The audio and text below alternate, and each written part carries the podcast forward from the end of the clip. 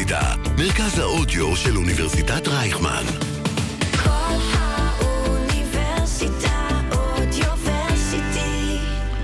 היום בחמוצים נתחיל בלדבר על רמדאן, הר הבית ובן גביר.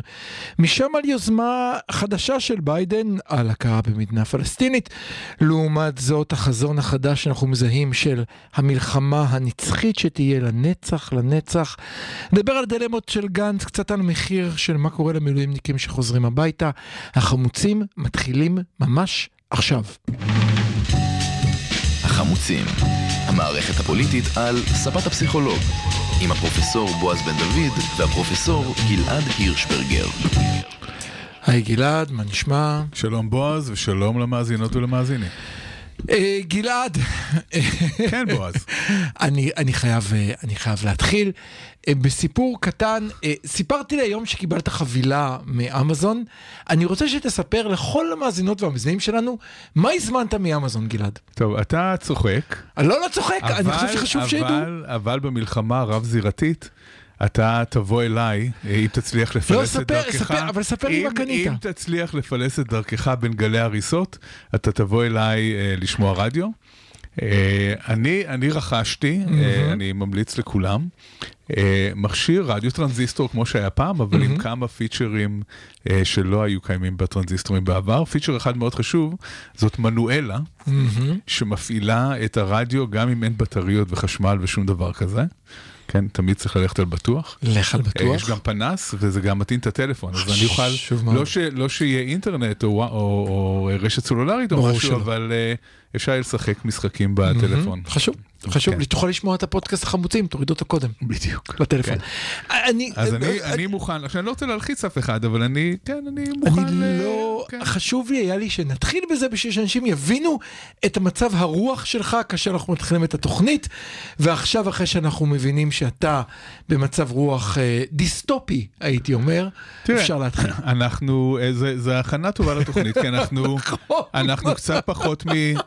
אנחנו קצת פחות מחודש לרמדאן, אוי, אלוהים כן? ישמור. קצת כן. פחות מחודש לרמדאן. מתי זה יוצא, אתה יודע? כן, זה, אבל זאת שאלה מאוד טובה מתי זה יוצא, בגלל שאף אחד לא באמת יודע בדיוק. נכון, זה צריכים שלושה 11 חכמים. זה 11, ב- לא, לא שלושה חכמים, זה 11 במרץ. צריך ברגע שהלבנה מתחילה... לא, אבל יש אנשים ספציפיים חכמים שבוחנים את זה, כן, והם אלה אוקיי. שיגידו... נכון, אז, אז זה נקבע בצורה כזאת. אני חושב שהיום כבר יודעים קצת יותר טוב מתי זה בדיוק קורה, אבל כעיקרון זה יכול לקרות לפעמים בפער של כמה ימים במקומות שונים. באזור בעולם. 11 במרץ? זה אזור 11 במרץ, אז יש לנו זמן להתכונן. שלח לי את הלינק של ה... אתה יכול אחר כך לשלוח לי את הלינק מאמזון של הרדיו עם המנואלה? כן, אוקיי, סליחה, אז תמשיך. אה, רמדאן אה, אה, הוא לא, כן, אי אפשר לחגוג את רמדאן כהלכתו בלי שבן גביר יעשה פרובוקציות, ובעצם אה, מה שאנחנו רואים עכשיו, זה אם היה לנו איזשהו ספק, ראש ממשלת ישראל הוא איתמר בן גביר. כן, ראש ממשלת ישראל הוא איתמר בן גביר, הוא זה שמכתיב את הטון, המדיניות היא שלו, ושיהיה לנו בהצלחה עם זה, כי מה שהוא... בוא- בוא- אה, בוא- בוא נסבר את רוצה- אוזני המאזינות כן, כן, והמאזינים. הוא, הוא רוצה לעשות כמה דברים מהמם. שהם מאוד uh, משמעותיים, קדימה. שהטייטל של המעשים האלה הוא באמת עוצמה יהודית, אין ספק שזה מפגין הרבה עוצמה. הדבר הראשון שהוא רוצה לעשות זה כמובן לעלות בעצמו על הר הבית, מה יותר מאשר אה, להפגין אה, יש נוכחות. דרך טובה יותר לחגוג את הרמדאן מאשר שבן גביר יעלה להר הבית? לא, זה חלק ממסורות החג כמובן, אני מסכים. ודרך מצוינת להבעיר את המזרח התיכון. אה, דבר נוסף שהוא עושה שהוא במיוחד מרגיז ומכעיס, זה תמיד ברמדאן יש הגבלות על הפלסטינים שנכנסים ובתקופה הנוכחית בגלל המלחמה אחרי השבעה באוקטובר אז ההגבלות יהיו יותר חמורות ככל הנראה. זאת אומרת שלא יאפשרו לגברים פלסטינים אה, מתחת לגיל 60 להיכנס ולנשים פלסטינים מתחת לגיל 50. זה 40 לדעתי, פעם לא לא. לא, אז, אוקיי. אז עכשיו זה שיש, ככה מדברים, מדברים אוקיי, ב-60, זה אוקיי. כמובן הכל נתון להמלצות של מערכת הביטחון, אה, ולא ירשו לילדים אה, מעל גיל 10 אה, להיכנס.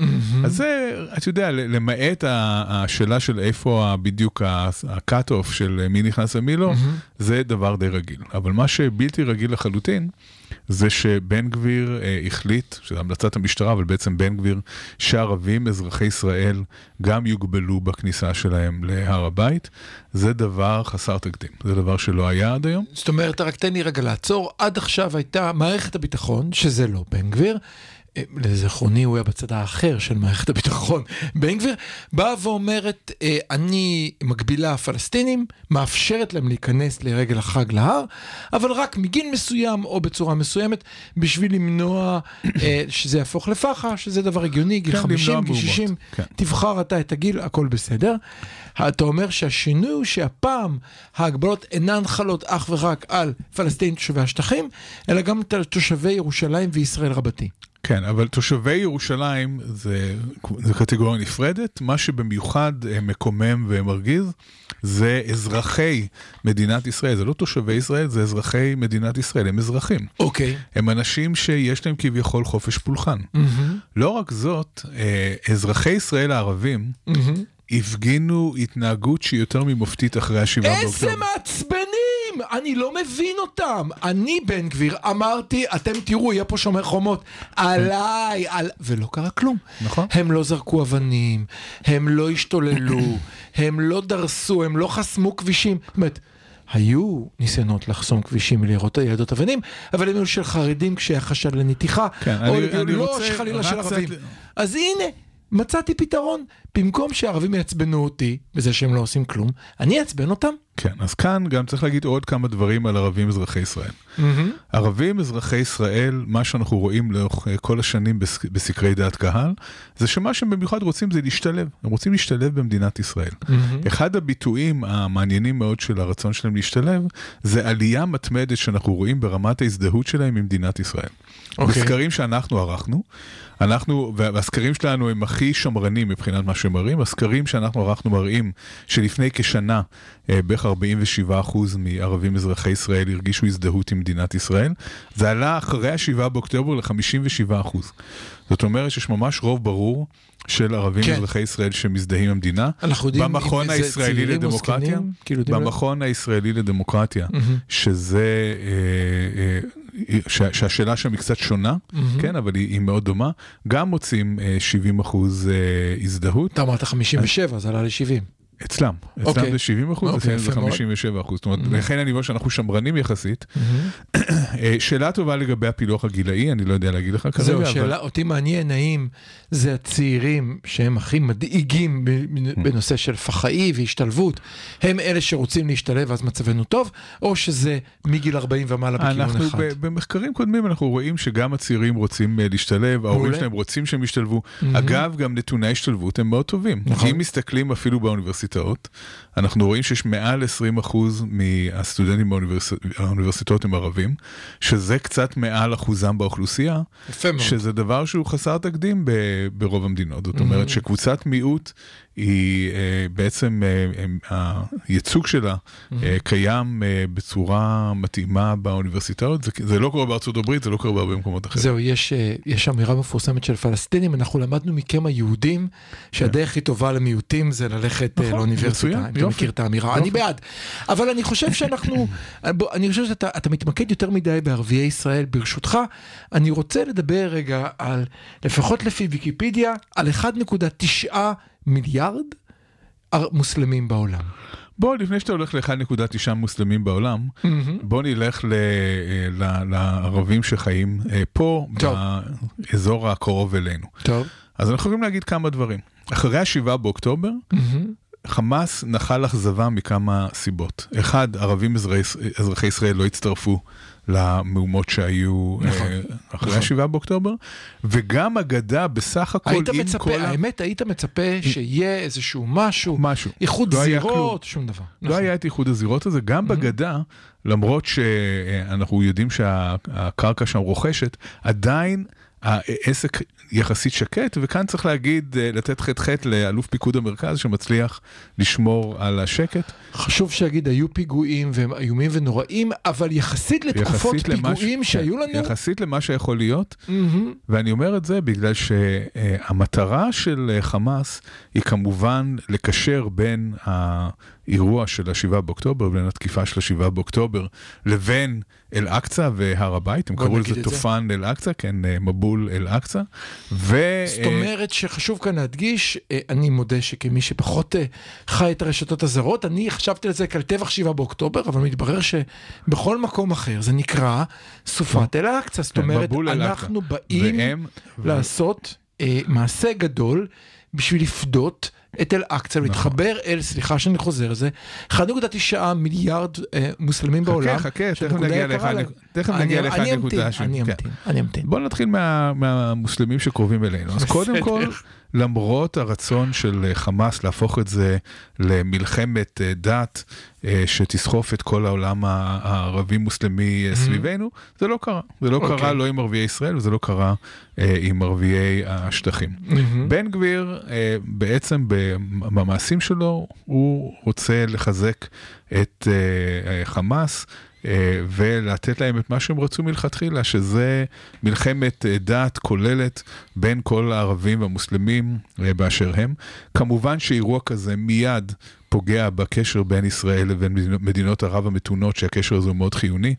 ירדן היא אמונה על המקומות הקדושים. בדיוק. היא, כן, היא משלמת משכורות לוואקף עד היום, וכמובן... אבל באמת המשכורות של וואקף עדיין באות מגיע מירדן. לגמרי, אוקיי. יר- יר- לירדן יש מעמד אה, אה, חוקי בהר הבית. למי שפחות יודעים מה זה הוואקף, בוא תעצור שנייה, תסביר מה זה הוואקף. זה בעצם המשמרת הדתית אה, שמנהלת את, את הר הבית, את חרם א-שריף. יש להם ממש לדעתי אקס טריטוריה עם סמכויות מסוימות זה בתוך הר הבית באמצע זה ישראל. כמעט אקס טריטוריה, מהמם. אה, זה חלק מהסכם השלום עם ירדן, לירדן מאוד חשוב המעמד הזה, וכמובן שהקשר עם ירדן ייפגע אה, במידה בעצם ובן זה גביר... שם, סליחה שאני עוצר אותך, זה כאילו נותן לירדן, אם אני מבין אותך נכון, מעמד שלא מתקרב לערב הסעודית שמחזיקה את אל-קאבה, אבל נותן להם משהו. נכון, זה נותן להם לה מעמד דתי. חשוב. זה נותן להם מעמד דתי כן, חשוב. אם זה- אתה רוצה לבוא, אתה צריך לקבל אישור דרכנו, אנחנו שומרים על זה, נותן להם מקום. גם, אוקיי. גם ערב הסעודית תגיב לזה, גם, זאת אומרת, כל, כל מדינות ערב המתונות שאיתן יש לנו קשר, או הולך להיות איתן אה, קשר אה, רשמי, יגיבו לעניין כן. הזה. נכון, לא, זה, זה ממש מערער את מעמדה של ישראל, שלא לדבר גם על העולם הרחב שיגיב בצורה אה, מאוד שלילית לעניין הזה. אין דבר יותר גרוע שאפשר לעשות כרגע מאשר מה שבן גביר מתכנן אני, אה, אני לעשות. יכול להציע לך מה אפשר לעשות, כי ניסו לעשות את זה בעבר, לראות אה, פגר של חזיר על הר הבית, היה כבר ניסיון יופי, כזה. ת- תציע רעיונות, אבל גם מה שקורה עכשיו הוא, כן, היו עוד דברים היו אחרים ניסיונות שנעשו. מטומטמים כאלה בעבר, כן. אבל, אבל דיברת על כל uh, המוסלמים בעולם, וכאן uh, עמוס עוז פעם uh, כתב, uh, הוא כתב בארץ uh, uh, כתבת uh, שער כזאת גדולה uh, של uh, כמה עמודים, שהוא אמר, אחד הדברים שהם הם מזל שלנו, של ישראל, זה שיש לנו סכסוך עם כמה מיליוני ערבים שסביבנו, אבל לא עם שאר העולם המוסלמי. ברור. זאת אומרת, המוסלמי הממוצע באינדונזיה, במלזיה, במרוקו, לא עסוק בסכסוך הישראלי-פלסטיני, זה לא משהו שמעסיק אותו. אה, ולכן אנחנו מסוגלים להתמודד עם הדבר הזה. אבל אם אנחנו נדליק כאן סכסוך דתי, שיגרום לזה ש-1.9 מיליארד אה, מוסלמים ירגישו שהם הם מאוימים, שהדברים שמקודשים להם נמצאים תחת איום, אנחנו נהיה בסיפור אחר, וזה לא, זה לא אנחנו אירוע... בליגה אחרת לגמרי. זה לא אירוע שאנחנו בהכרח אה, נצליח להשתלט וגם עליו. אין סיבה, כלומר, אם היית אומר, אני, אני אסביר את עצמי. גם מה שקורה עכשיו בעזה, נגיד בעדינות, לא עוזר למעמדנו בעולם עם חברותינו. לא, ברור. אבל כאן אנחנו אומרים, תקשיבו, אין לנו ברירה. אנחנו יוצאים לזה בשביל להגן על עצמנו. הסיפור של הר הבית הוא מיותר וסתם, אין איזשהו משהו שנרוויח מזה, פרט זה- לשני מנדטים לבן גביר. כן, אז כאן אה, כמובן שחלק מהעניין הוא אלקטורלי, אבל זה לא רק אלקטורלי, הוא, הוא באמת מאמין בזה, כן? הוא אדם אה, פנאט קיצוני, הוא באמת מאמין אה, בזה. וזה מאוד מזכיר את הקנאים בימי בית שני, שהבהירו הבהירו בדיוק את אותו מקום, את אה, הר הבית, אה, גרמו בסופו של דבר לגירוש, לגלות, להשמדה של היישוב היהודי בארץ ישראל. וזו ממש תחושה מאוד אה, דומה, שאותם האנשים, אותם אנשים שבקנאותם לא מבינים את המצב הגיאופוליטי המאוד רגיש והמאוד נפיץ שאנחנו צריכים לתמרן בתוכו, הולכים להרים את הבית על יושביו. אלא אם כן מישהו יעצור אותם, או, וה- בוא, אני רוצה לעצור אותך ו-. ובינתיים נתניהו הולך איתם. זאת הבעיה הגדולה זה שנתניהו הולך איתם. אני רוצה לעצור אותך שנייה אחת. בוא נדבר רגע על מה קורה כאן, ואני רוצה את עזרתך כפסיכולוג פוליטי. יש לו ככה, יושב לו, יושב לו, אה, יושב השב"כ, הצבא, ואומרים, אנחנו מציעים תוכנית א'.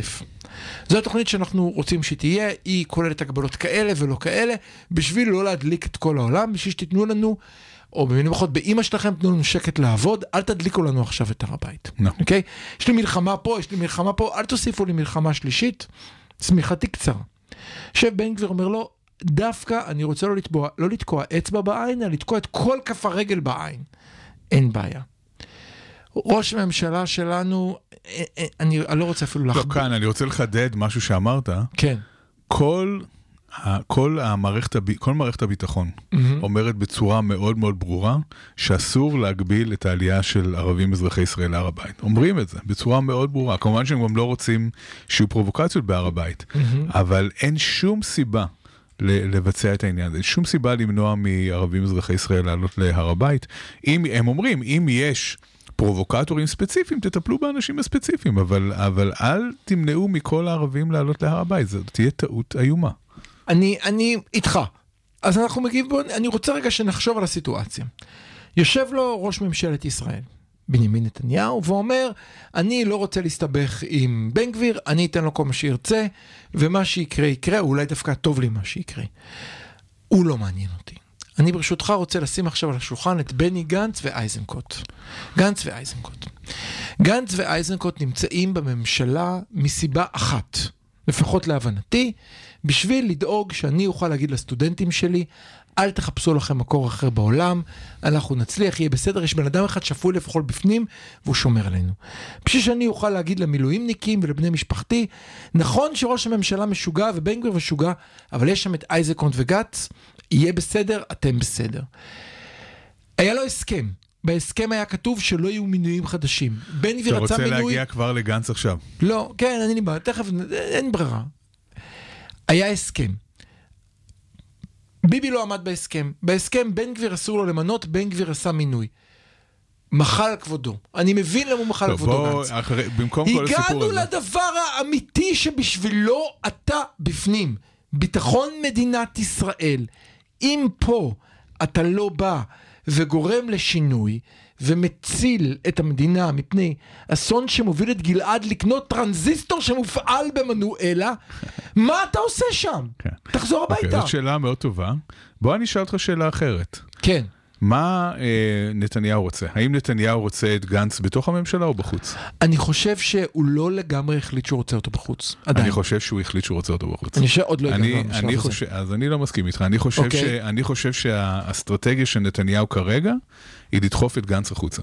נתניהו מרגיש שהחרב לא מונחת לצווארו כמו שהיא הייתה קודם, מהמם. שהממשלה שלו היא כן אה, יציבה, עשה את שלו? וש, ולא רק זה, הוא כרגע מה שהאינטרס המרכזי שלו לגבי גנץ זה לשתות לו את המנדטים. כרגע אה, הוא נמצא ב, בירידה, נתניהו נמצא במקום לא טוב בסקרים, גנץ נמצא במקום טוב, אבל עם הידרדרות. אה, משבוע לשבוע, אם מסתכלים על המגמה אה? בסקרים, כן, אם מסתכלים על המגמה בסקרים, גנץ מאבד קצת גובה, לא הרבה, אבל מה שחשוב לראות ולמי הוא בסקרים, מאבד כובע? מה שחשוב לראות בסקרים זה לא רק אה, את ה... תמונת מצב, אלא מגמה לאורך המגמה. זמן. כן, אנחנו רואים מגמה לאורך זמן, הוא מאבד, הוא מאבד אה, פה ושם מנדט, שם מנדט. לאן זה לא- זולג? זה, זה, זה, חלק הולך לליכוד, לפעמים הליכוד עולה במנדט, חלק למפלגות אחרות, אבל... ה- השאלה לאן זה הולך? לתוך אה, גוש, לתוך הקואליציה, או לתוך... אה, אם כן. זה הולך ללפיד, לא אכפת לי. עדיין, מה, שנת, מה שנתניהו רוצה, זה שגנץ אה, יפרוש מסיבות שאפשר יהיה להצביע עליהן. כסיבות שהן פוליטיות, כ- שהוא יוכל להצביע עליו בתור מי שמפקיר את המדינה לטובת האינטרס הפוליטי האישי שלו, ונתניהו ממש מקווה שעל נושא החטופים או הר הבית או אחד הנושאים האלה, גנץ בעצם יעזוב את לא, הממשלה. יש הבדל, סליחה. יש הבדל בין החטופים להר הבית. הבדל מאוד גדול. אני אסביר מדוע. אין לנו זמן, יש לנו חצי דקה, אז אני אהיה קצר. נושא החטופים תכף נגיע אליו, אבל נושא הר הבית, אני חושב שגנץ יכול אה, אה, למסגר אותו בצורה מאוד ברורה. אני כאן נציגו של הצבא והשב"כ. אם הצבא, השב"כ, המוסד ולא יודע מי צודק. עוד אומר אותו דבר, אני הנציג שלהם, אני ועד העובדים שלהם, כן. אני מייצג אותם פה אבל- בממשלה מול אבל- המשוגע. אבל אם הוא יגיד את זה, זה גם יראה כמה שאין לו כוח בעצם אה, לעשות משהו. כי כרגע מי ששולט בממשלת ישראל זה איתמר בן אז גביר. שיעשה משהו. מה? דקה לפני שאני קונה טרנזיסטור, שיעשה משהו. כן. אם כולנו מבינים שזו כזה ברורה ומחשית כן. לביטחוננו, ש, שלפחות יתריע. מה שהוא לפחות צריך להגיד, לעשות זה לעמוד ולהתריע, כמו שגלנט עשה ב, אה, ב, בליל הפיטורים המפורסם שלו. לא, אני מצפה מפוליטיקאי כמוהו שיעשה שינוי. כן, אבל שיפעל, אתה- שיצליח, שיכופף יד של מישהו. אתה אומר דברים לא ריאליים. כרגע... אז למה הוא בממשלה אם הוא לא יכול לעשות אוקיי, כלום? אני חושב שהוא בדילמה, ואני חושב שיש אה, כאן, כאן אישו שצריך אה, לדבר עליו. גנץ, מבחינת הכוח הפוליטי שלו, לא יכול לעשות שום דבר. אם הוא יוצא, הממשלה הזאת לא נופלת. אין לו כוח פוליטי. הוא יכול לנסות להשפיע מבפנים בשקט, אבל אין לו עם מה לאיים. אין לו, זה אקדח אה, לא טעון, הוא עומד עם אקדח קפצונים, אין לו, אין לו עם מה לאיים.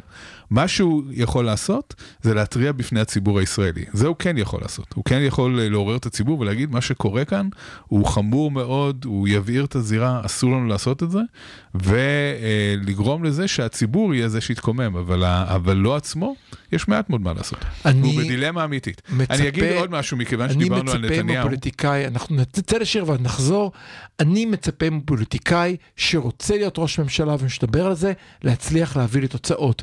אם זה בזה שיוציא אותנו לחסום את זה- איילון, זה- או לעשות שיעשה משהו. זה ילדותי להגיד דבר כזה. אז, ש, אז, ש, אז שיחפש עבודה אחרת. אם הוא לא יודע לה, להביא תוצאות, שיחפש עבודה אחרת. למה הוא נכנס אנחנו לקואליציה? בעולם האמיתי, בעולם האמיתי אי אפשר להגיד דברים. לא, אם הוא יצא מהקואליציה המצב יכול להיות הרבה יותר גרוע. יש כאן איזושהי אחריות לאומית שהוא צריך אה, אה, לקחת, ו... אבל, אבל גם להכיר בזה שאין לו כרגע כוח לשנות הרבה, אין מה לעשות. לכן ההתראה היא מאוד חשובה. אבל יציאה מהממשלה זה לשחק לידי ביבי לגמרי. אנחנו נמשיך להתווכח אחרי השיר, כבר חוזרים. כל התוכניות והפודקאסטים שלנו זמינים עבורכם באתר האינטרנט ובאפליקציות הפודקאסטים הנבחרות. חפשו כל האוניברסיטה אודיוורסיטי. החמוצים, המערכת הפוליטית על ספת הפסיכולוג, עם הפרופסור בועז בן דוד והפרופסור גלעד הירשברגר. אה, למי שלא מאזין לנו ברדיו אלא בפודקאסט, אז היה כאן עכשיו את מאיר אריאל עם מדרש יונתי.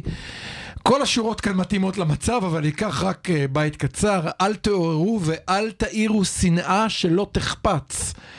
רק תצא אותה כבר לא יחזירו, לא רב, לא שר, לא שץ. מי שהוא עוד יתעורר עלינו כמקיץ מחלומו, נמחה אנחנו ושללנו, נשקע בתהומות. אל תעוררו שנאה שלא תחפץ, אבל אולי יש כאלה שחפצים בה. אה, ואני חושב שאלה שחפצים בה נמצאים כרגע בממשלה. אנחנו נמשיך עם גנץ, או שאתה רוצה לעבור לנתניהו? כן, בפרק הקודם, אה, בועז, הקודם. בועז סיים אה, עם טנטרום קצר על, על גנץ, שלא עושה את מה שבועז חושב שצריך לעשות. גלעד שזה- סיים בהגנה, בהגנה על גנץ. אני חושב שדרשתי מגנץ להתנהג לא, כמו אני לא מנהיג. מגן, אני לא מגן על גנץ. להתנהג כמו מנהיג. אם אני אתה רוצה- לא מנהיג, צא מהמטבח. בוא... אתה לא חייב, אפשר לשחק ב- בסלון פאזלים. אתה רוצה להיות מנהיג? תוכיח שאתה מנהיג, ת, תפעל, אתה יודע מה, אתה רוצה להתריע? תתריע. טוב, אני אתה רוצה הבנתי- לגבש קואליציה, בפרק תעשה משהו. הקודם, הבנו בפרק הקודם שתעשה גם אם אתה לא יכול, אבל בואו נדבר קצת על המציאות. המציאות היא שגנץ אה, בפנים, ועדיף שהוא יהיה האדם בקבינט מלחמה המצומצם מאשר אה, בן גביר וסמוטריץ' ואחרים, אז, אז הוא עדיין משרת איזושהי פונקציה שהיא חשובה, ואני אני בכלל לא חסיד של גנץ. רגע, רגע, תן לי לסיים. לא, אני- רק איזה פונקציה? איזה פונקציה? מה, אתה לא אם- תמיד יודע. לא, אז בוא נשאל אותך שאלה. הוא, הוא, אם הוא ימנע את, אה, את הטבח הבא שיקרה בעקבות אל-אקצא, שיחק, שיחק אותה. אוקיי, אני מאוד מקווה שהוא אם יעשה הוא משהו. לא, אז אה, די. אני מאוד מקווה שהוא יעשה משהו, אבל uh, אנחנו צריכים להכיר בזה שגנץ נמצא בדילמה לא פשוטה. אוקיי. מה, ש, מה שנתניהו בעצם uh, רוצה, הוא רוצה שגנץ יפרוש. טוב לו עכשיו כרגע עם ממשלת ה-64 שלו, הוא רוצה להחליש את גנץ, הוא חשב שאם גנץ ייכנס, אולי זה יחליש אותו, זה לא קרה. נכון, הוא רוצה. הוא רוצה uh, להחליש אותו, ויש כמה דרכים. אחת הדרכים זה לגרום לו להיראות אה, כמו מישהו שבורח מאחריות, שפורש, שמסיבות פוליטיות אה, עוזב את הממשלה. דבר שני שהוא יכול לעשות, ואני מתאר לעצמי שהוא יעשה, זה אותו שהוא... כשמאלן, לא, כאחראי לא, זה. זה, זה רגיל, אבל אה, אחד הדברים... איך- זה זה בלי עבודה, אתה כן, אומר, זה בלי בדיפולט. עבודה, אבל הדבר שהוא כנראה יעשה, זה יגרום למישהו כמו יוסי כהן מקורבו, להקים אה, מפלגת אה, ימין אה, מרכז כן, כזאת. כן. ולשתות כן. לגנץ המנדטים אה, באופן אחר. זאת אומרת, גנץ כרגע הוא האיום העיקרי מבחינת נתניהו, וכל העניין של הר הבית, כן הר הבית, תפרוץ מלחמה אזורית, העולם יישרף, פחות חשוב כמובן לא, מאשר... אבל אתה- אתה מבין מה אתה אומר, זאת אומרת, אם אבל זאת העולם המציאות יישרף, שאנחנו נמצאים בו, אם מה אתה העולם רוצה? יישרף, אז מה זה יעזור לנתניהו שיהיה ראש ממשלה? אני, תגיד, אני אחראי למציאות, אני רק מדבר על מה שקורה, אני לא, זה לא אחריותי. אני לא אשם בזה, אני מצטער. אנחנו חייבים לשלוח אה, עם הפודקאסט את הלינק. בגלל זה, זה, אוקיי, בגלל זה צריך טרנזיסטור עם מנואלה, כן, אני לא סתם קניתי את זה, זה לא סתם. אבל. אוקיי, אז אחרי שקנינו אה, טרנזיסטור עם מנואלה, כן, זה- ודיברנו על זה הדילמה... המינימום שצריך. בתקופה הזאת. אני רוצה אה, להוסיף כאן עוד משהו שדיברנו עליו קודם ויעצבן אותך שוב, בשביל זה אני. פה. אני הולך, אולי אפילו אני לא אעצבן אותך, אני מסכים איתך. אנחנו כל הזמן דיברנו על שתי אפשרויות שיש למלחמה בעזה. דיברנו, היה לנו שתי אפשרויות. אחת מהן היא אה, סיום עם עסקה שבה יש עסקה כזאת או עסקה אחרת.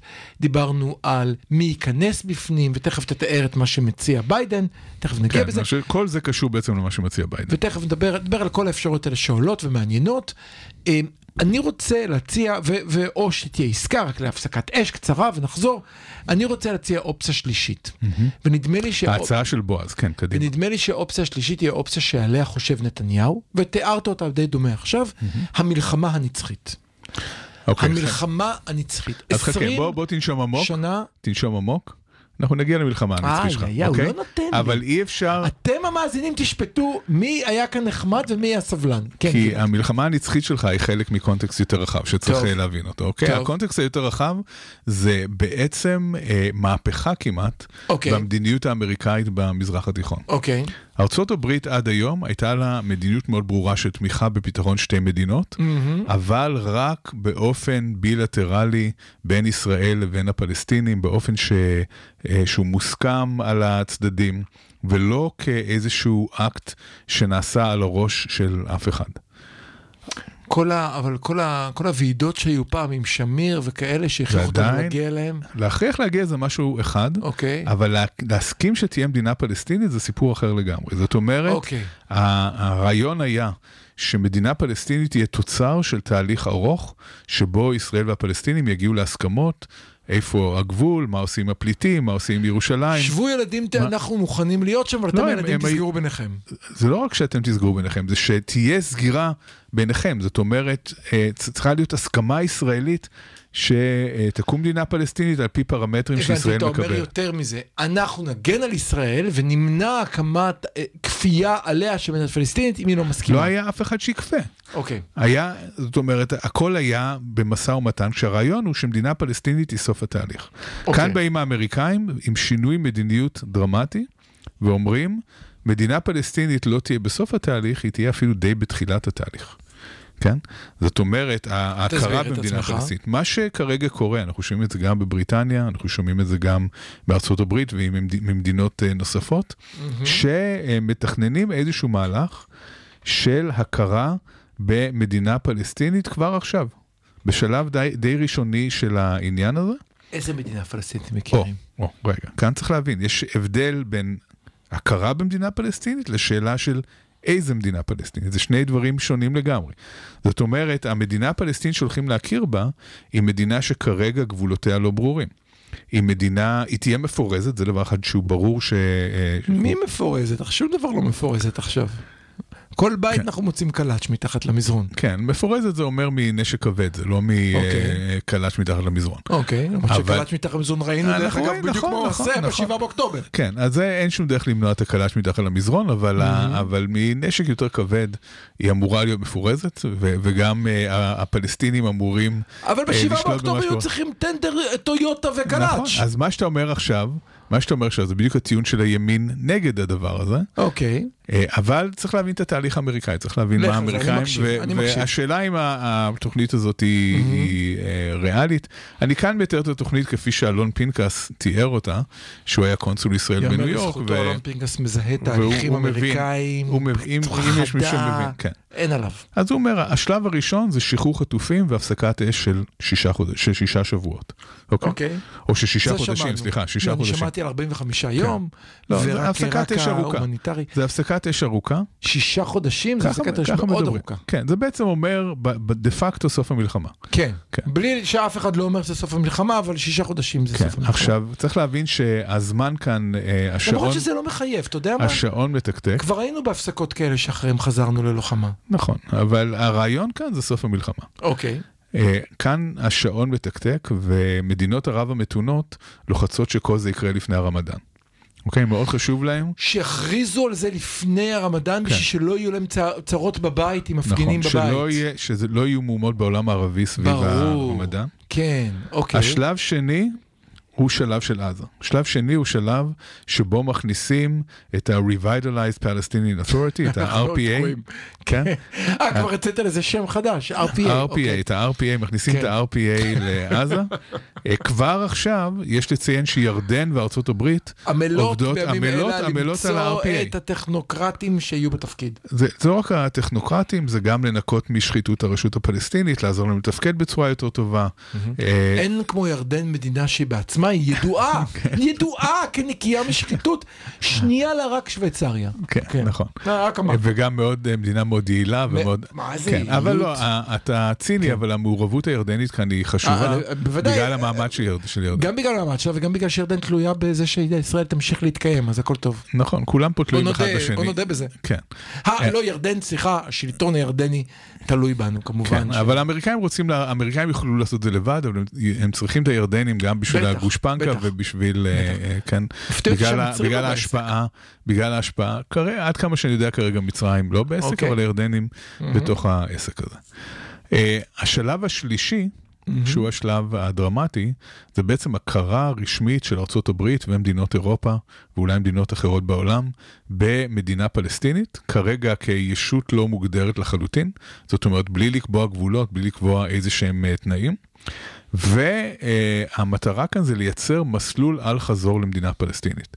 כלומר, ברגע שהעולם מכיר במדינה פלסטינית, כבר אי אפשר להגיד, טוב, בעצם אה, לא, או להגיד, אה, אה, לא הולכים לשתי מדינות, הולכים לאיזשהו פתרון אחר. זה מכניס את כולם למסלול שבסופו יש מדינה פלסטינית אמיתית, לא רק מוכרזת ומוכרת. השלב הרביעי, שהוא הש- שלב גם מאוד חשוב של העניין הזה, זה אה, לקחת את זה כנראה, זה, זה כרגע לא לגמרי ברור, אבל אה, להעלות את זה למועצת הביטחון של האו"ם. ברגע שזה עולה למ- למועצת הביטחון, זה מקבל גושפנקה חוקית, לא, זה חשוב, זה הופך כן. להיות חוק בינלאומי. לא, רק אני אומר, כל דבר אפשר לעלות במועצת הביטחון ולהעביר אותו אם זה לא בעדנו, אבל לא חשוב. לא משנה, לא משנה, כן, כן, להפך, אבל המשמעות, הקל, כן. המשמעות החוקית כאן כן, היא, כן. היא חשובה. כן. זאת אומרת, ברגע שאנחנו לא כובשים מהמם. איזה שהם שטחים אה, אה, לא מוגדרים ולא ברורים, כן. אלא אנחנו יושבים בשטח של מדינה ריבונית מוכרת על ידי האו"ם, זה משנה לגמרי את כל הסיפור. כן, זה משנה את ה... רק שאלה, מתוך, מתוך באמת סקרנות, 1701 היא גם החלטה של האו"ם, מועצת הביטחון כן, של האו"ם? כן. ומישהו אוכף אותה היום? לא, ברור שיש. אוקיי, סתם שאלתי. כן, סתם כן. שאלה כן. כזאת, אתה צודק לגמרי. מיותרת לחלוטין, אבל זה לא שמישהו מפריע לחיזבאללה לחגוג. השלב החמישי, זה לא אומר, אוקיי. כרגע זה, זה תוכנית, זה לא אומר. ש... כן, יש, אוקיי. הרבה, יש הרבה באגים בתוכנית מהמם. הזאת. השלב החמישי זה נורמליזציה עם סעודיה, ואולי אפילו עם קטר. גם היא ברשימה של אה, אה, מדינות ש...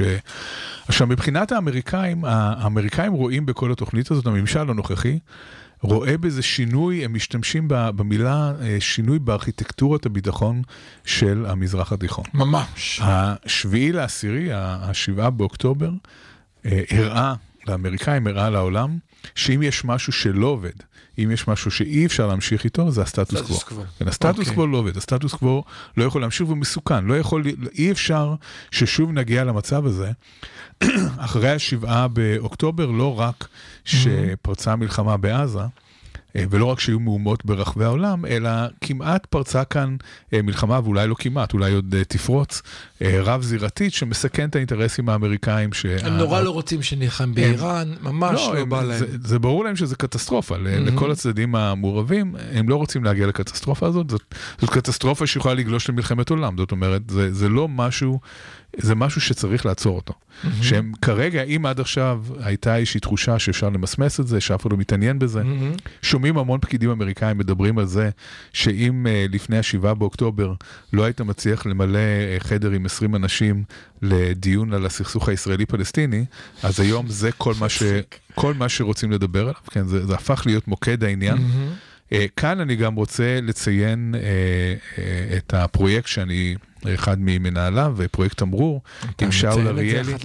עם שאול אריאלי וסיון אה, הירשפלר, אנחנו פרסמנו מאמר בהארץ ביום חמישי האחרון, שבו אנחנו הראינו, עשינו מין אה, אנטומיה של אה, אה, אה, מוות ידוע מראש, אפשר להגיד, של בעצם איך כל הגורמים המעורבים, מהגורמים הישראלים, ממשלת ישראל, הציבור הישראלי, אה, מחלקת המדינה האמריקאית, הבית הלבן אה, וכולי וכולי, כולם בעצם עצמו עיניים ו- ו- וחשבו שאפשר לא להתעסק בבעיה הפלסטינית, שהיא איכשהו תעבור בעצמה, שאפשר לעשות שלום עם מדינות ערב המתונות ולא להתעסק בבעיה הפלסטינית. היום כולם מבינים שזו טעות. גלעד. היום כולם מבינים שחייבים להתעסק בבעיה הפלסטינית. גלעד, אני, אני חייב לשאול אותך שאלה, דקה לפני שנצא להפסקת שיר.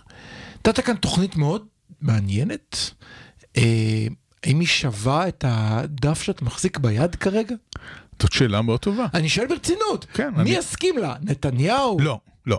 עכשיו, מה שברור, עכשיו בן אמרת, גביר יסכים לה? סמוטריץ' יסכים לה? הם לא יצטרכו... גולדקנופ יסכים לה? אז כאן, כאן העניין.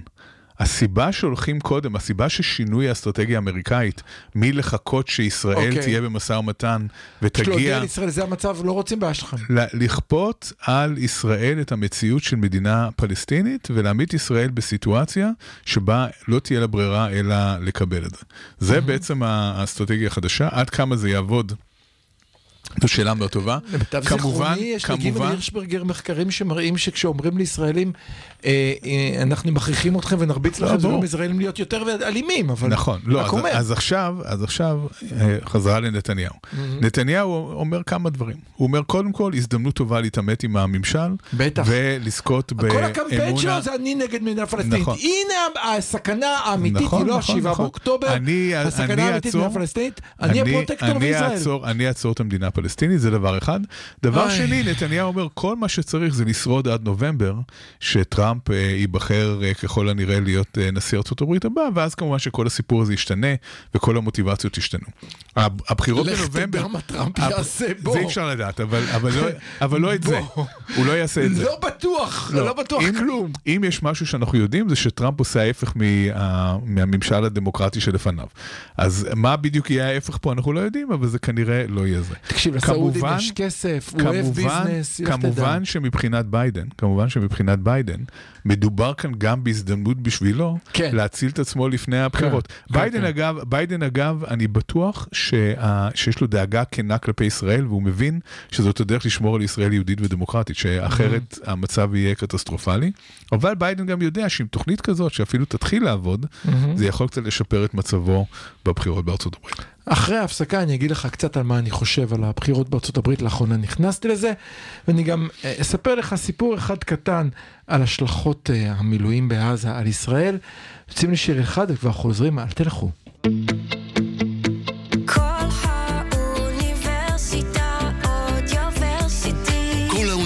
האוניברסיטה, מרכז האודיו של אוניברסיטת רייכמן.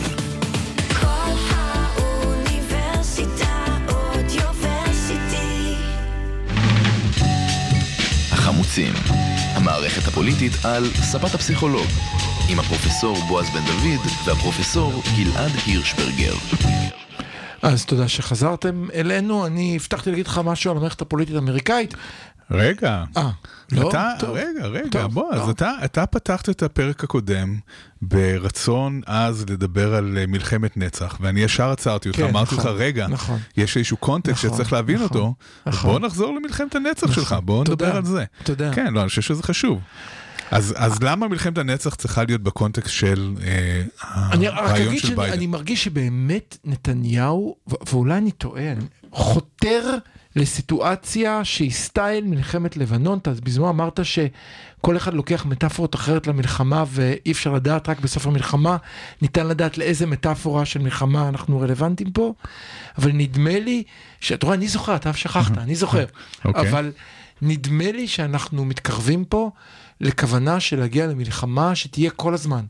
שכל הזמן יהיה מלחמה. עשר שנים, עשרים שנה, מתי הוא מתכוון לפרוש לפנסיה? גיל 90 עד אז. נ- ובגיל אוקיי, 90 אז- הוא ייתן אז- מתנת פרידה, הנסיגה מעזה. אני לא חושב שזה מה שנתניהו רוצה, אני חושב שמה שנתניהו רוצה זה לשרוד. וה- בסדר, כן, גיל 90, כן. פנסיה. כן, ואיך ש, שנתניהו אה, ידע לשרוד עד היום, זה איכשהו ללכת בין הטיפות ולא לקבל החלטות יותר מדי דרמטיות, אבל לא אה, לייצר גם סערות מאוד גדולות. זאת אומרת, אה, נתניהו אלוף בתמרונים. אוקיי. מה שהוא רוצה כרגע, אני לא חושב שזה מלחמת נצח, מה שהוא רוצה אבל, זה מצד אחד להימנע מה, אה, מהיוזמה של אה, ביידן, שהיא יוזמה שתפרק את הצורה לממשלה שלו, אין שום סיכוי שממשלה תשרוד אה, מהלך כזה.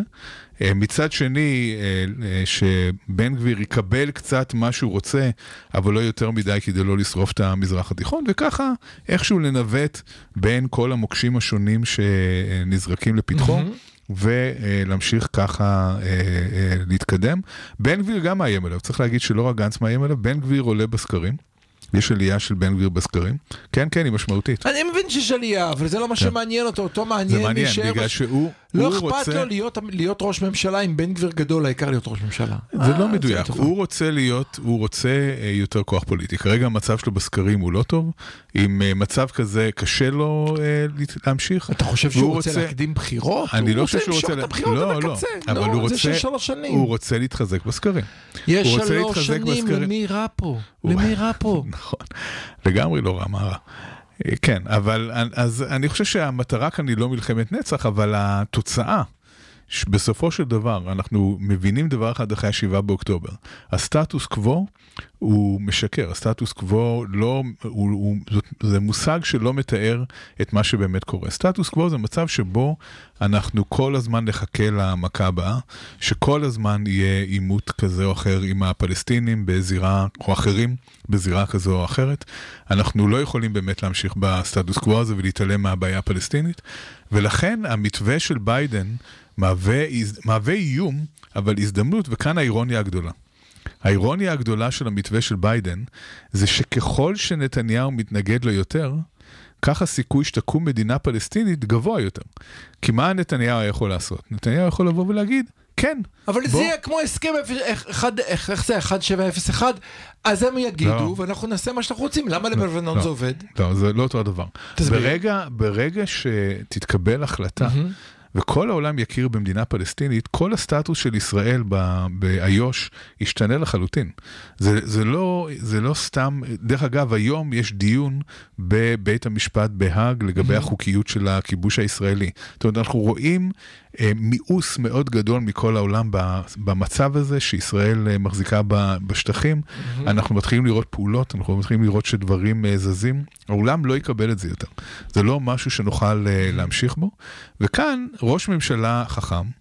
היה אומר, מה שתמיד עשו, היה אומר את הדבר הבא, היה אומר, כן, בוא באמת נדבר על שתי מדינות, אנחנו ניפגש עם הפלסטינים, נדבר על זה. בוא נדבר, לנו יש, והשיחה לנו הייתה- יש צרכי, לנו יש צרכי ביטחון, יש לנו אינטרסים כאלה ואחרים, כן, וברגע שהעניין היה מדוסקס, כמובן שזה היה נמרח. שוב חוזרת לי תמונתו של שמיר מנמנם באותה כן. ועידה, אם אתה זוכר. נכון, זאת אומרת, להגיד כן אבל, זו Mhm. תמיד הייתה הדרך הטובה למסמס אה, כל רעיון כן. אה, מהסוג הזה. או חלילה חלילה אז- אולי לצאת מזה עם משהו יעיל, אבל כן. אז אולי, אז אולי דווקא אה, באיזשהו, אה, היום אני חושב שאלון פנקס, שוב, אלון פנקס כתב שנתניהו אה, הופך את עצמו אה, מבלי שהתכוון לכך להיות ההרצל של המדינה הפלסטינית, כי בסופו של דבר הסירוב שלו יגרום לזה שכמו ש, כמו שהמדיניות שלו לאורך השנים הייתה למנוע גרעין איראני, ואנחנו מוצאים את עצמנו עם אה, איראן שהיא מדינה סף גרעינית, כך אה, המדיניות השנייה שלו הייתה למנוע מדינה פלסטינית, והוא בסופו של דבר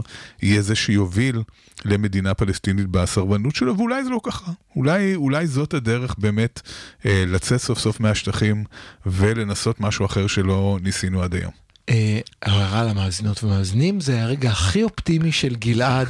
זה היה הקצה של האופטימיות שלו, אז אנחנו ניקח את מה שניתן. אה, אני, יש לי בליץ של כמה דברים קצרים. נתחיל בראשון. הראשון לגבי הבחירות בארצות הברית. כן.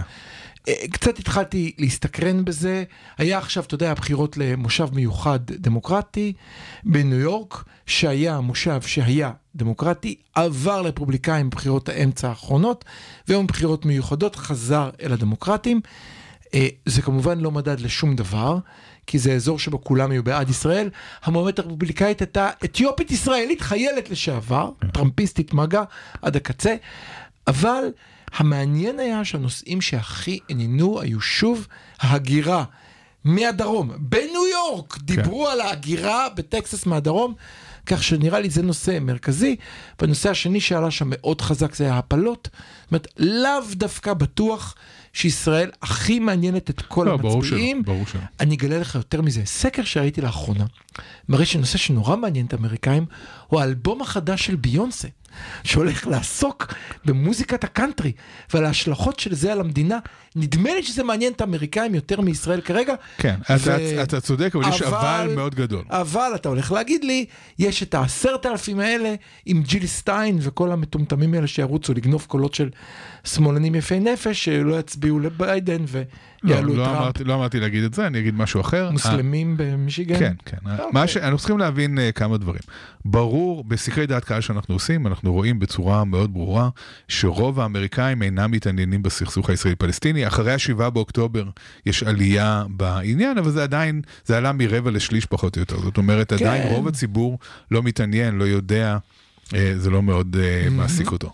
אבל זאת בכלל לא השאלה בבחירות בארצות הברית. בבחירות בארצות הברית, במיוחד כאלה שיהיו צמודות אה, יחסית, אה, וכמובן בשיטת האלקטורים, מה שמשנה בסופו של דבר זה לא מה קורה בניו יורק. בניו יורק, בניו יורק זה לא מעניין בכלל, כן, בגלל ברור. שניו יורק היא דמוקרטית לא, אה, ברורה. זה לא מעניין מה קורה הסיבה היחידה שזה בקליפורניה. היה מעניין, זה כי זה היה מחוז אחד שהיה בו עשרה אחוז יתרון לרפובליקאים בבחירות Mm. האמצע האחרונות, אחרי שהיה חמישה אחוז יתרון לביידן לפני זה, ועכשיו הוא חזר להיות דמוקרטי, זאת אומרת, זה מה- זה נותן לא- איזושהי זה לא נותן- איזושהי שאלה על מה מעניין, אבל זה לא נותן שום צודק. דבר לגבי הבחירות הארציות. אתה צודק מה, שבסוף מה אחרים. שבסופו של דבר קורה זה, ה... אה, זה האלקטורים ב...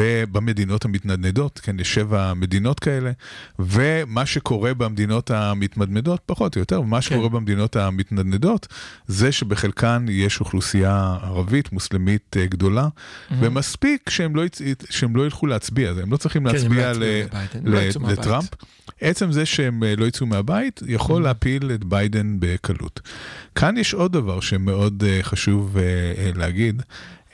אם מסתכלים על הדמוגרפיה האמריקאית, וכמובן שכל נושא הגירה קשור ישירות לעניין הדמוגרפי, יש שינוי דמוגרפי עצום שמתחולל בארצות הברית. בתחילת המאה ה-20 היה רוב של 90 ומשהו אחוז לבנים בארצות הברית. זאת הייתה מדינה לבנה ונוצרית, גם אם היא לא הגדירה את עצמה ככזו. היום אחוז הלבנים הוא בערך 70 אחוז. עדיין אה, רוב, אבל שינוי מאוד אה, משמעותי. כאשר רוב אה, בני המיעוטים, או לא כולם, אבל רוב בני המיעוטים מצביעים באופן מסורתי למפלגה הדמוקרטית. כן, זה גם, גם יהודים אה, מאותה סיבה מצביעים לדמוקרטים. מה שזה אומר זה שאם מסתכלים על התהליך הדמוגרפי שמתרחש בארצות הברית, הדמוקרטים כעיקרון אמורים לנצח גם אם הם מעמידים מטאטא מול המועמד הרפובליקני. כרגע זה עדיין לא קורה. נכון. אבל, אבל תאורטית זה מה שאמור לקרות. אחת הסיבות שזה לא קורה, זה שאנחנו רואים אה, אה, תגובת נגד חזקה מאוד של הלבנים האמריקאים, שאף אחד לא מדבר עליה ולא אומר שזו תגובה של הלבנים האמריקאים, אבל מי שמצביע לטראמפ זה לבנים. אם מסתכלים על מי שהצביע פעם שעברה, ואם מסתכלים על מי שמצביע עכשיו, זו תגובה לבנה מאוד אינטנסיבית לאיום הזה של ההגירה ושל השינוי הדמוגרפי. אה, ולכן הולך להיות כאן fight מאוד אה, משמעותי. ולכן אני עדיין, אה, ברשותך, חושב שנושא ההגירה והאלבום החדש של ביונסה הרבה יותר חשוב. יותר חשוב בבחירות יותר האלה חשוב. מאשר ישראל, עם כל הכבוד לישראל. ויש לגמרי, כבוד. אבל מספיק כמה אלפי מוסלמים במישיגן שלא יצאו מהבית להצביע כדי להפיל את ביידן. נדמה לי שההגירה עדיין יותר חשובה ואנחנו צריכים להיכנס לפרופורציות. גם היא יותר במישיגן חשובה, אבל ההגירה לא יותר חשובה. לא. אני לא. חושב אז, אה, אז מה ש... אז לא, צריך. להבין, צריך להבין שוב, שמספיק שכמה אלפים לא יצאו מהבית להצביע כדי לסכן את ומספיק בחירתו שעשרת של אלפים ביידן. החליטו כן להצביע בגלל שנושא ההגירה פתאום ייראה לכאן או לכאן. זה גם זה נכון. נושא שמזיז יותר אנשים וגם הפלות זה נושא שמזיז יותר אנשים כפי שראינו בבחירות האמצע, הבחירות המיוחדות הנוכחיות. הנושא האחרון שאני רוצה להעלות ממש בשתי דקות. נושא שלא נעים לומר לך אני אומר אותו רק לסוף. אמ, המון חיילים חוזרים מעזה. הם חוזרים מעזה עם מזכרות. שמעת על המגמה החדשה הזאתי? לא, לא שמעתי על זה. מזכרות.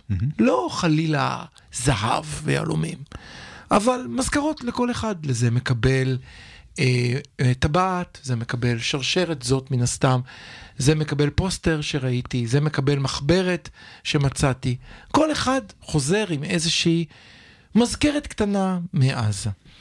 אפשר לקרוא לזה ביזה, אפשר לקרוא לזה מזכרת, אבל זה מתרחש עכשיו. איפה שמעת על זה? מיותר מדי אנשים. עכשיו, שוב לומר, זה כמובן לא, לא בפרופורציות לשום דבר אחר שאנחנו רואים, אבל זה מתחיל להדאיג אותי. אני אגיד לך איפה זה התחיל להדאיג אותי. זה מתחיל להדאיג אותי כי זה הופך להיות לגיטימי. ואז למשל, לדוגמה, הבוקר אני פותח את העיתון, ותושבי קיבוץ מנרה אומרים, היישוב שלנו לגמרי הרוס, אבל חלקו הרוס על ידי חיילי צה"ל, שראו שיש לנו בית הערכה, והיה מפתח, ואז נכנסו וחגגו בבית הערכה. הם אמרו, אני מצטט, הייתם מבקשים, הייתי פותח לכם את הדלת. 80 אחוז ממנרה הרוסה בגלל 50 טילי נ"ט. 50 אחוז. 80, 80 אחוז. 80 אחוז ממנרה הרוסה בגלל טילי נ"ט, לא בגלל... אה, אני, אני, ביזה של אני חיילים. מספר את הסיפור כמו שהוא. עכשיו, כמו שקראתי אני- אותו. אני- אני רוצה להסביר את הנקודה. תן לי רגע אני לא שמעתי. על זה. מה המקור של הידיעה הזאת? אני משוחח עם מילואימניקים, כן. לא מעט. אבל לשוחח עם מילואימניקים זה לא הופך את התופעה לתופעה בעלת איזושהי משמעות סטטיסטית. זה יכול להיות שזה קורה פה ושם. אני לא אומר שלא, אתה מוזמן לבדוק, אני- אתה מוזמן לבדוק. אני, אני- אני מרים דגל קטן אני כמו חושב שהרמתי שאנחנו בזמנו. צריכים, אנחנו צריכים מאוד להיזהר. בועז, חכה שנייה. זה לא אנחנו צריכים בפרופורציה, זה לא משמעותי, זה לא חשוב. לקרוא למשהו תופעה. אם שמעת על זה מכמה מילואימניקים. אם שמעת על זה מכמה מילואימניקים זה לא תופעה. אם זה משהו שרווח, ששומעים עליו הרבה, זה סיפור אחר, אז זה, באמת אה, מחייב התייחסות. אני מקבל אבל צריך, שזה, זה שזה צריך נקודה מאוד קטנה. להיזהר את זה על השולחן. מלהטיל דופי כן, בחיילי צה"ל, שאנחנו לא יודעים שבאמת אה, דבר כזה יהיה. אני לא מטיל דופי, אבל אני אומר, אנחנו צריכים להבין, כאשר אתה שולח אנשים לשעשות את, אה, להיות בעזה, בוודאי שאסור לקחת מסוימת, שום דבר, זאת לא שאלה. לא מעניין אותי שיקחו משהו, מעניין אותי שהם חוזרים הביתה. הם חוזרים הביתה אחרי משימה שאין ברירה אלא לשלוח אותם אליה. ובה הם עוברים תהליכים לא פשוטים. כשהם חוזרים הביתה, הם מביאים איתם את מה שהם ראו שם, ושם הייתה התנהגות מסוימת. ואנחנו צריכים גם לחשוב על הדברים האלה, ולהיזהר מאוד כאן במה אתה, שאנחנו כאן אתה עושים. אומר משהו אחר. ברור שמה שקורה כרגע, שחיילי מילואים אה, חוזרים הביתה, ההשתלבות שלהם חזרה בחיים הרגילים היא מאוד קשה. אה, אנחנו רואים את זה כאן אה, בקמפוס. אה, הם, היה לי מילואימניק שדיבר איתי לגבי חזרה ללימודים, שאמר אני מרגיש כמו חייזר. כן. כן, כן, ה- כן. ו- ובאמת המעבר הזה ממצב של שירות אינטנסיבי מאוד של כמה חודשים, בין אם זה בעזה בין אם זה בצפון, זה אותו הדבר, אה, חזרה לשגרה של לימודים, של עבודה, של משפחה, זה קשה בצורה בלתי רגילה, אה, ואנחנו עושים את כל המאמץ כדי לעזור להם להשתלב. אנחנו צריכים לא רק לעזור להם להשתלב, אלא גם לחשוב על איך אנחנו שומרים עליהם, לגמרי. כמו מי שהם יצאו, בלי שהם ייקחו את מה שהם אנחנו, ראו שם. אנחנו מקימים עכשיו אגב אה, קבוצות תמיכה של מילואימניקים שידברו אחד עם השני, אה, וזה חלק מהתרומה שלנו למאמץ הזה.